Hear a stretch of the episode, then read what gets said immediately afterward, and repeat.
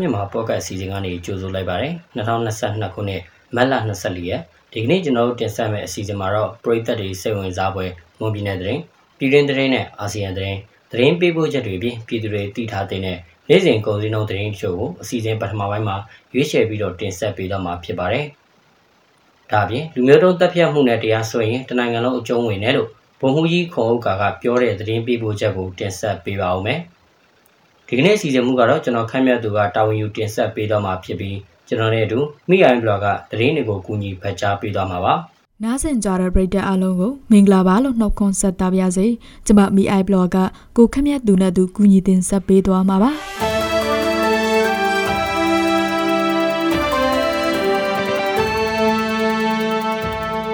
မော်ရမြိုင်မြို့နယ်မှာလျှက်စီမီလာချိန်နဲနေလို့မြို့ပေါ်ရက်ကွက်တွေရေလုံလောက်အောင်မပေးနိုင်ဖြစ်နေတယ်လို့ မွန်ပြည်နယ်စီပင်တရားဦးစီးဌာနကညွှန်ကြားရေးမှူးဦးတင်ကိုကိုကပြောပါတယ်။မီးပြတ်ချိန်မှာရေစက်မောင်းနိုင်ဖို့ရေးပေါ်မီးစက်ဝယ်ယူဖို့အတွက်အများဆုံးဆောင်ရွက်နေတယ်လို့လည်းဆိုပါတယ်။ဦးတင်ကိုကအခုလောလောဆယ်တော့မီးပေးချိန်တအားနေတော့စက်မောင်းချိန်လည်းနေသွားတယ်။ရေစက်မောင်းတဲ့အချိန်နေတော့ရေပေးတဲ့ပမာဏနေသွားတယ်။ကျွန်တော်တို့အရေးပေါ်မီးစက်ဝယ်ဖို့စီစဉ်နေတယ်လို့မွန်သတင်းအေဂျင်စီကိုပြောပါတယ်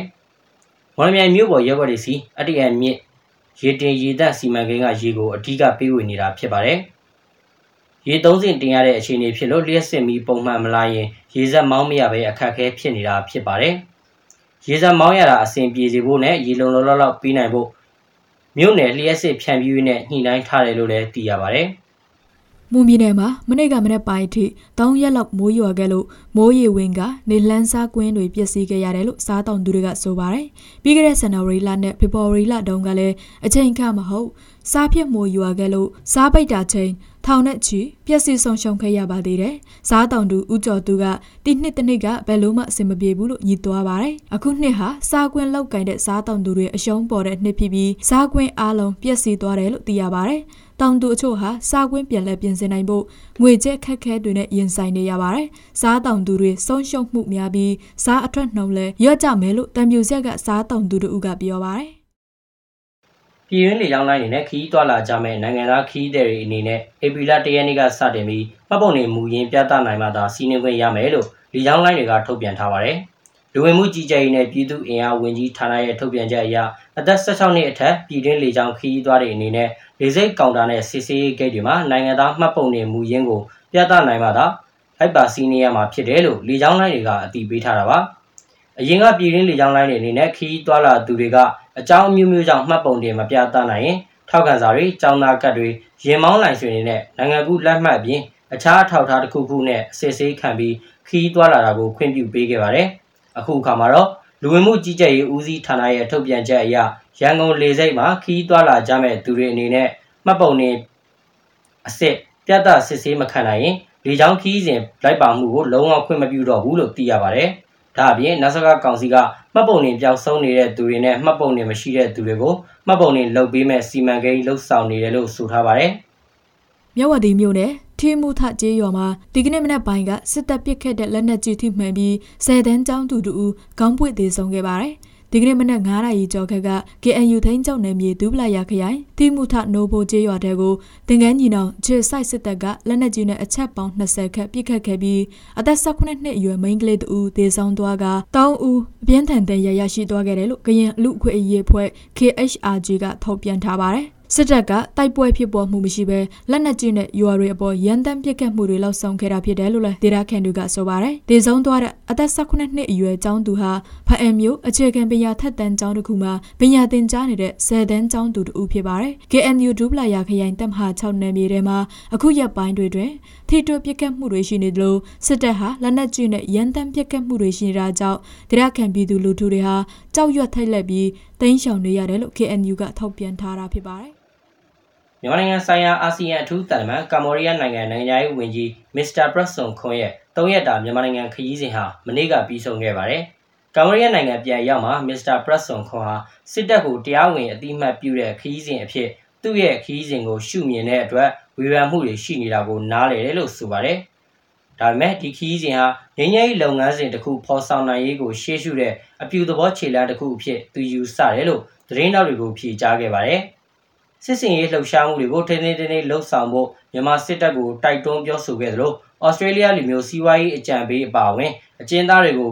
ပြန်လွှတ်ပေးဖို့ကြိုးပမ်းပြောဆိုခဲ့တယ်လို့မစ္စတာပရက်ဆွန်ခွန်ကပြန်ပြောပြပါတယ်။မြမရေးကိစ္စဟာနည်းနည်းရှုပ်ထွေးလာတဲ့အတွက်အချိန်ယူဖြည့်ရှင်းရမှာဖြစ်ပြီးအာဆီယံဥက္ကဋ္ဌတတန်တစ်နှစ်ကာလအတွင်းအကောင့်ထဲဖော်ဆောင်ရွက်နိုင်မဲ့ပုံမရှိဘူးလို့မစ္စတာပရက်ဆွန်ခွန်ကပြောသွားပါသေးတယ်။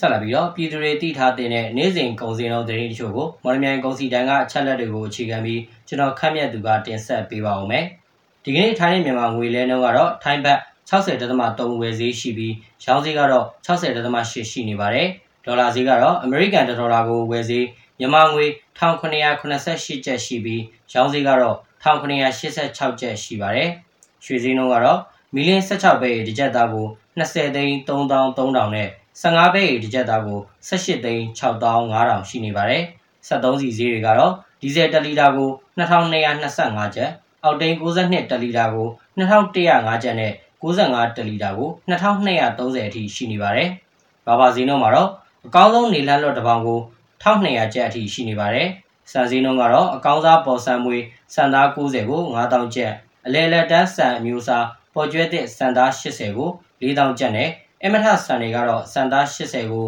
3500နဲ့စံသား90ကို32,500အထိရှိနေပါတယ်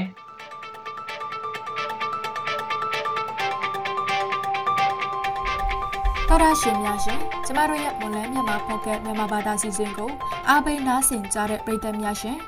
ကျမတို့အတန်လွတ်စီစဉ်ကနေပြီးတော့မွန်ပြည်နယ်အတွင်းဖြစ်ပျက်နေသောသတင်းများပြည်တွင်းငြိမ်းချမ်းရေးဖြစ်စဉ်များအပြင် မြန်မာနိုင်ငံသတင်းနဲ့အာဆီယံသတင်းများကိုအပတ်စဉ်တစ်နေ့လာအင်္ဂါဗုဒ္ဓဟူးခြားတာရင်းနေ့များတွင်ည9:00နာရီအချိန်တွင် Mon New Agency Facebook စာမျက်နှာတွင်ဝင်ရောက်နားဆင်နိုင်သလိုမွန်လန်းမြန်မာ Podcast စာမျက်နှာတွင်လည်းဝင်ရောက်နားဆင်နိုင်ပါပြီ။အားပေးကြတဲ့ပရိသတ်များအားလုံးကိုကျေးဇူးတင်ပါတယ်။အခုတင်ဆက်ပေးသွားခဲ့တာကမတ်လ24ရက်နေ့မှာဖြစ်ပျက်ခဲ့တဲ့မွန်ပြည်နယ်သတင်းပြည်ရင်းသတင်းနဲ့အာဆီယံသတင်းတွေပြင်တနစ်တာစီစေးငွေစည်းနဲ့ကုန်စည်နှုန်းတွေကိုတင်ဆက်ပေးသွားခဲ့တာပါ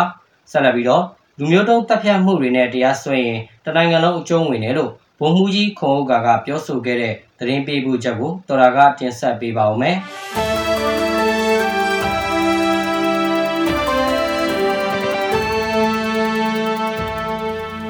လူမျိုးတုံးတပ်ဖြတ်မှုနဲ့အခြားနိုင်ငံတနိုင်ငံကတရားစွဲရင်တနိုင်ငံလုံးနဲ့အကျုံးဝင်တယ်လို့တိုင်းရင်းသားလက်နက်ကိုင်ကောင်းဆောင်သူဖြစ်သူဗိုလ်မှူးကြီးခွန်အောက်ကကပြောပါရယ် ပြီးခဲ့တဲ့2019ခုနှစ်ကဘင်္ဂါလီတွေပေါ်မြမတမတော်ကလူမျိုးတုံးတပ်ဖြတ်မှုနဲ့လူသားမျိုးနွယ်တွေပေါ်ကျူးလွန်တဲ့ရာဇဝမှုမြောက်နေတယ်လို့အမေရိကန်နိုင်ငံသားရေးဝန်ကြီးအန်တိုနီဘလင်ကန်ကပြီးခဲ့တဲ့ရက်ပိုင်းကကြေညာခဲ့ပါတယ်။လူမျိုးတုံးတပ်ဖြတ်မှုကျူးလွန်တာဟာတမတော်တာဖြစ်ပေမဲ့တရားစွဲဆိုခံရရင်နိုင်ငံသူနိုင်ငံသားတွေအစိုးရလက်နက်ကင်တပ်ဖွဲ့ရဲအပါဝင်အလုံးအကျုံးဝင်တယ်လို့ဗိုလ်မှူးကြီးခွန်အောက်ကကဆိုပါတယ်။ဒီလိုရှိတယ်ဗျလူမျိုးတုံးအာလက်ကျလို့ ဒီကကျူးလွန်တာတော့တပ်မတော်ပေါ့ဗျာတပ်မတော်ကတာဝန်ရှိတာ哦နော်ဒါပေမဲ့တိုင်းပြည်တစ်ပြည်ကပတ်မှတ်တာနဲ့ပဲအမှုကတော့မဖြစ်ဘူးဗျအမှုဖြစ်တယ်ဆိုရင်တရားရုံးကသတင်မှာအမှုဖြစ်တော့ ICC မှာတင်တာကတော့နိုင်ငံတော်တင်တာပေါ့ ICC မှာကြတော့အာ ICJ မှာကြတော့သူကဘာနဲ့တင်ရလဲဆိုတော့ဟိုနိုင်ငံတော်ကိုဆွဲရတာပေါ့ဒီကုလသမဂ္ဂအဖွဲ့ဝင် နိုင်ငံတနိုင်ငံကိုအခြားကုလသမဂ္ဂအဖွဲ့ဝင်နိုင်ငံတစ်ခုကနေပြီးတော့ဆွဲလို့ရတာပါနိုင်ငံဟိုနိုင်ငံချင်းချင်းဆွဲတဲ့သဘောပေါ့အဲအဲ့ဒါကတော့ ICJ မှာတော့အဲ့လိုပါဒါပေမဲ့အခုအမေရိကန်ကသတ်မှတ်တာတော့တမတော်ပေါ့အဲဒီတော့တမတော်တော့အခုကတမတော်ဆိုရဆိုတော့နိုင်ငံတော်နဲ့တမတော်နဲ့အခုကတစ်ဖက်တည်းဖြစ်နေတာအရင်တော့ကတော့ဟို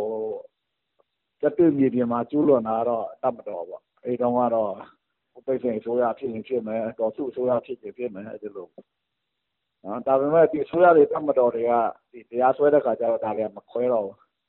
နိုင်ငံတော်ကိုဆွဲလိုက်ရင်တော့နိုင်ငံတော်နဲ့နိုင်ငံတော်သူနိုင်ငံသားများအစိုးရလက်နက်ကိုင်အဖွဲ့ရဲအပါဝင်အားလုံးအကျုံးဝင်သွားတယ်ဗျ state ကိုပြောလိုက်အားလုံးပါသွားတာအဲအဲ့ဒီတစ်ခုပါပဲ လူမျိုးတောင်းတပ်ဖြတ်မှုကျူးလွန်ကြောင်းတတ်မှတ်ခံရတဲ့ပုံကိုအနေနဲ့ပြစ်မှုကျူးလွန်ကြောင်းထင်ရှားရင်အဲ့ဒီပုံကိုကိုကပ္ပတရားရောင်တစ်ခုခုကနေစီရင်ချက်ချရကြောင်းဗိုလ်မှူးကြီးခွန်အောက်ကကဆိုပါရယ်အမေရိကန်အစိုးရရဲ့လူမျိုးတုံးတပ်ဖြတ်ကြောင်းကြေညာချက်ပေါ်နှဆက်ကကောင်စီရဲ့နိုင်ငံသားရေးဝန်ကြီးဌာနကပြင်းထန်စွာကကွက်တယ်လို့ပြီးခဲ့တဲ့နှစ်ရက်ကထုတ်ပြန်ခဲ့ပါတယ်။ရခိုင်မျိုးသားပါတီ ANP မှမူဝါဒရေးရာဦးဆောင်ကော်မတီဝင်ဦးထွန်းအောင်ကျော်ကလူမျိုးတုံးတပ်ဖြတ်မှုကျူးလွန်ကြောင်း အမေရိကန်ဆိုရရဲ့ကြီးညာချက်ဟာအင်အားကြီးမားတဲ့နိုင်ငံတွေရဲ့နိုင်ငံရေးကစားကွက်လည်းဖြစ်နိုင်တယ်လို့တစ်ဖက်ဆောင်နေမဟုတ်ပဲမျက်မျက်တတလေ့လာဖို့လိုအပ်တယ်လို့ဆိုပါတယ်။ရခိုင်ပြည်နယ်ဟာတမိုင်းကြောင်ရအမရန်ရှုပ်ထွေးကြောင်လူမျိုးတုံးကိစ္စနဲ့ပတ်သက်ပြီးဖြေရှင်းရမှာရခိုင်ပြည်နယ်တော့ကိုစားပြုတဲ့ပုတ်ကိုပါဝင်ဖို့လိုအပ်တယ်လို့ဦးထွန်းအောင်ကျော်ကဆိုပါတယ်။ဒီလိုကတော့ဒီကျွန်တော်တို့ပြည်နယ်မှာတွေးပါတယ်ဒါတနိုင်ငံလုံးကိုတရားစွဲတယ်ပေါ့ဘာညာအဲ့တော့ဒီလောက်ရဒီက ဟိုအင်အားကြီးမှတဲ့နိုင်ငံကြီးရဲ့နိုင်ငံရေးကစားကွက်တွေလည်းပါတာပေါ့ခင်ဗျာအာဒါမိမိတို့ရဲ့နိုင်ငံရေးအများထုတ်လို့မှုနဲ့မိမိတို့ရဲ့ဖန်တီးချယ်လေရှင်နဲ့ဝင်ရောက်ဆွဲဖက်ရှင်နဲ့စိတ်နေသဘောထားတွေလည်းကျွန်တော်တွေ့ရတယ်ခင်ဗျာအဲ့ဒီတော့မြန်မာနိုင်ငံမှာတကယ်ဖြစ်ခဲ့တဲ့ဟိုဖြစ်စဉ်တွေကတော့နိုင်မတလာလေးလာဖို့လိုတာပေါ့တစ်ဖက်ဆုံးနေကတော့ဒါကျွန်တော်အဲ့ဒီဖြစ်တဲ့ကိစ္စတွေကတော့ကိုယ့်ရခိုင်မျိုးတွေကတော့အပြီးဆုံးမဲ့စီ ရခိုင်ပြည်မှာဖြစ်တဲ့ကိစ္စကိုအဓိကရည်ညွှန်းပြီးတော့ပြောတာဟုတ်အဲ့ဒီတော့ဒါလက်ခုပ်ဆိုတာကတော့နှစ်ဖက်စလုံးကြီးမှပဲအဆိုင်မိတာပါအဲ့ဒါလေးတော့အဓိကတော့ထားပြီးတော့ပြောချင်ပါတယ်ရခိုင်ပြည်နယ်မှာပြီးခဲ့တဲ့2019ခုနှစ်ကတမတော်ရဲ့နယ်မြေရှင်းလင်းမှုနောက်ပိုင်းဘင်္ဂါလီအများစုအိုးအိမ်ဆုတ်ခွာပြီးအနီချင်းဘင်္ဂလားဒေ့ရှ်နိုင်ငံဘက်ကိုထွက်ပြေးခိုလောင်ခဲ့ကြရပါတယ်အဲ့ဒီနောက်တမတော်ကဘင်္ဂါလီတွေပေါ်လူမျိုးတုံးတပ်ဖြတ်မှုကျူးလွန်တယ်လို့ လူခွေလှောက်ရှားသူတွေကပြောဆိုနေကြပါတယ်။အဲ့ဒီဖြစ်စဉ်နဲ့ပတ်သက်ပြီးကမ်ဘီယာနိုင်ငံကလည်းနယ်သာလန်နိုင်ငံတဟိတ်မြို့ကအပြည်ပြည်ဆိုင်ရာတရားရုံး ICJ မှာလူမျိုးတုံးတပ်ဖြတ်တယ်လို့ဆိုပြီးမြန်မာနိုင်ငံကိုတရားစွဲထားတာကြောင့်အမှုရင်ဆိုင်ပြေရှင်းနေရပါတယ်။